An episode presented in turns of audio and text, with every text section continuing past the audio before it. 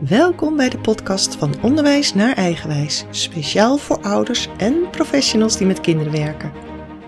Feit is dat alles verandert, maar geldt dit ook voor ons onderwijs? Mijn roots liggen in het veld, eerst als leerkracht en later als schoolcoach en trainer. En nu ga ik, Karen Karton, samen met jou op onderzoek of en hoe we alle eigenwijze kinderen, de Nederlandse burgers van de toekomst, zo goed mogelijk begeleiden naar volwassenheid, zowel op school als thuis. Deze aflevering gaat over gevoelskracht. Een van de invalshoeken van jouw krachtstroom die bestaat uit dromen, denken, voelen en doen. Het woord gevoelens. Voelen heeft bij veel mensen een lading. Ze vinden het ingewikkeld en onderdrukken liever hun gevoel. Laat angst je nooit weerhouden. Een vriendin van mij zei ooit toen ik het even niet wist: Karen, what's right is light. En opeens viel het kwartje. Ja, hoe voelt een beslissing of keuze aan? Waar gaat jouw energie naartoe? Waar word je blij van? Dat yes-gevoel. Want dat zet je op de goede weg. Om tijdens deze podcast hetzelfde referentiekader bij gevoelskracht te hebben, heb ik het woord opgezocht. Gevoel is in psychologische zin een innerlijke, positieve of negatieve beleving van een bepaalde gebeurtenis. Dit gevoel ontstaat tijdens een interactie met een externe prikkel uit de omgeving of tijdens een interne gebeurtenis zoals een gedachte of een beeld dat we bij onszelf oproepen.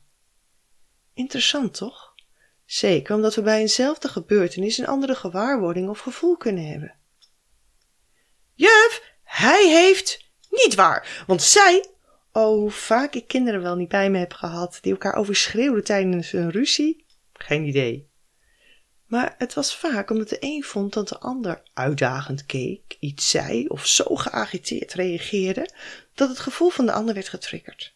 En met die weerwar aan emoties en gevoelens kwamen ze dan bij mij. Of ik het dan even snel wilde oplossen. Tuurlijk. En dan zwaaide ik met mijn toverstaf. Nou ja. Gevoelens zijn gekoppeld aan emoties. Een gevoel speelt zich binnenin jou af, maar heeft een naar buiten gericht voor anderen vaak zichtbaar gevolg in de vorm van een emotie. Als je bent geraakt, verandert je fysieke gesteldheid, waar ik in het thema doekracht of lijfkracht verder op inga. En wat wij als positief of negatief ervaren, wordt onbewust zowel door onze gedachten als door de cultuur waarin we opgroeien bepaald. En in de aflevering over denkkracht bespreek ik dit verder. Vreugde, verdriet, angst, woede, verbazing en afschuw zijn de zes basisemoties en zijn universele expressies die in de evolutionaire termen zeer oud zijn. Op scholen worden verbazing en afschuw betrekkelijk weinig benoemd. Dan ligt het accent vooral op de vier B's: boos, blij, bedroefd en bang. Oh, zie je wel, daar gaan we weer. Je herkent vast wel de bijbehorende sensatie die bij de boosheid door je lichaam gaat en een natuurlijke cyclus van een emotie is. Deze stroom aan energie in je lijf heb je echt de ruimte te geven, zodat het daarna als vanzelf kan oplossen. Een emotie is een reactie in gevoelslagen op gedachten die je gelooft. Een emotie op zichzelf is intens, duurt kort en wordt getriggerd door een specifieke situatie. Wist je dat een pure emotie niet langer dan 90 seconden duurt? Want daarna gaan je gedachten met je aan de haal. Ja, emoties zijn waardevolle wegwijzers. Daarbij staat de E voor energie en motie betekent gewoon beweging. Dus kortom, energie in beweging.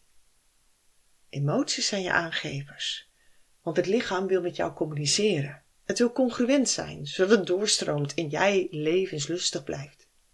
Een emotie onderdrukken en vasthouden in je lichaam levert je niks op.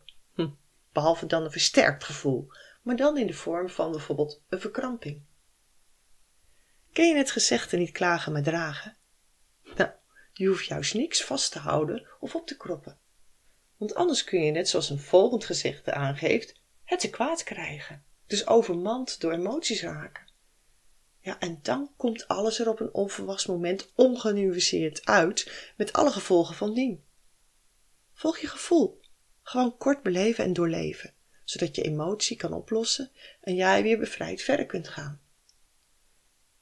Geef je tranen van verdriet of vreugde de vrije loop, want dat brengt opluchting en schept ruimte. Als kind begreep ik weinig van veel volwassenen en werd ik zelfs bang van hen. Hun lichaam zond de ene bericht uit, maar ze beweerden bij hoog en laag juist iets anders.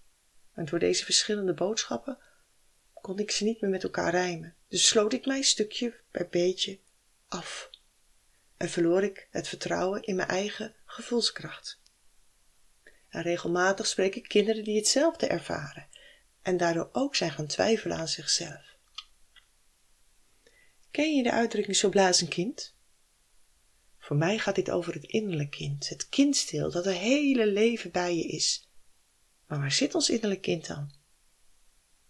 Ons brein bestaat uit drie delen. Het oudste en kleinste deel is het oer- of reptiele brein. Dit gedeelte van de hersenen staat voor het overleven en laat ons lichaam reageren door te vechten, te vluchten of te bevriezen. Onze gevoelens en emoties horen bij het tweede brein, het limbische brein, het zogenaamde zoogdierenbrein. Verbinding en plezier spelen hier een grote rol. En ook zorgt dit deel van het brein ervoor dat je gebeurtenissen onthoudt.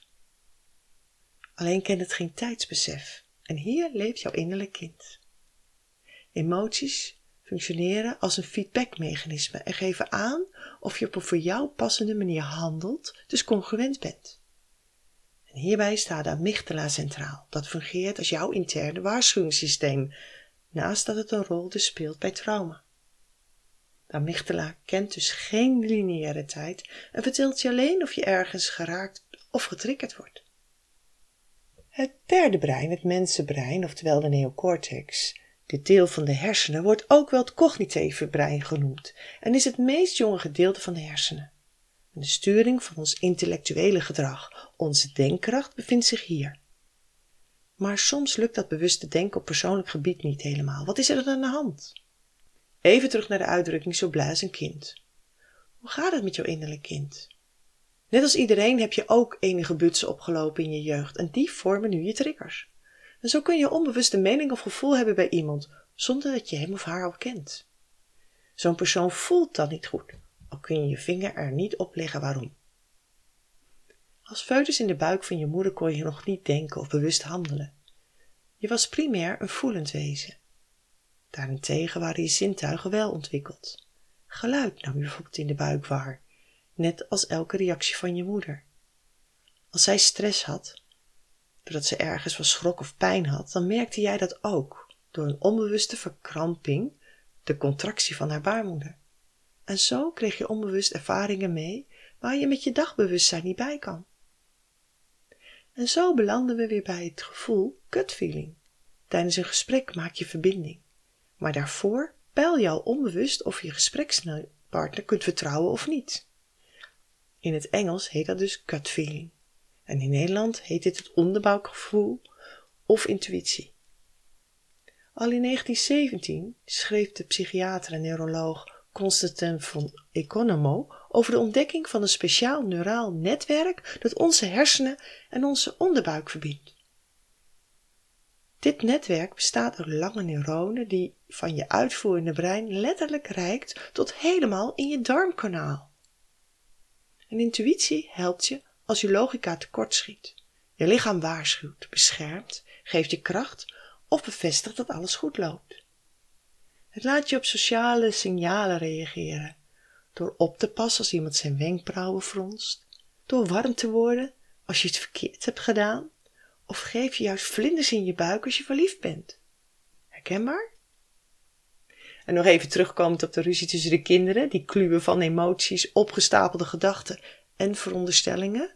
Op zo'n moment kan ik niks anders doen dan puur aanwezig zijn en de energie stabiliseren. Daarbij geef ik dan altijd aan dat ik erop vertrouw dat ze het samen kunnen oplossen. Maar dat ik erbij ben om het eventueel te vertalen of door te vragen.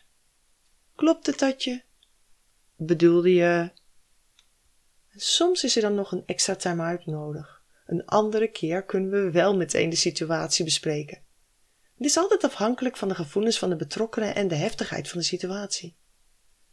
Gelukkig wordt de soep vaak niet zo heet gegeten als die wordt opgediend. Maar ik blijf wel altijd alert op extra signalen. Want omstanders spelen hier ook vaak een rol.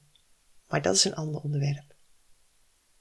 We zijn aan het einde van de gevoelsexcursie gekomen en verlaten dit gebied voor nu. Als mens vormen met onze gedachten, dromen, gevoelens en lichaam een schitterend integrerend universum op zich. En het geluk lacht je toe als alle onderdelen verenigd zijn, je hoofd, buik en lichaam in samenwerking met de kosmos. Jij hebt de regie over jouw krachtstroom, je levensenergie die oneindig stroomt en waardoor je vanuit jouw eigen rijkdom impact hebt op de wereld.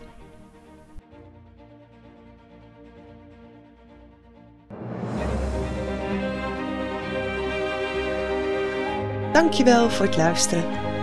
Als je nog een vraag hebt of wil reageren, stuur me dan een berichtje via karen.krachtstroom.nl Karen schrijf je met een E en krachtstroom schrijf je met de letters K, R en dan het cijfer 8. Het staat voor de verbinding van hoofd, hart en buik. En dan stroom, zoals je het zegt. En ik zou het echt tof vinden als je me een like zou willen geven. Ik wens je een stromende dag vanuit jouw oneindige kracht. Veel geluk!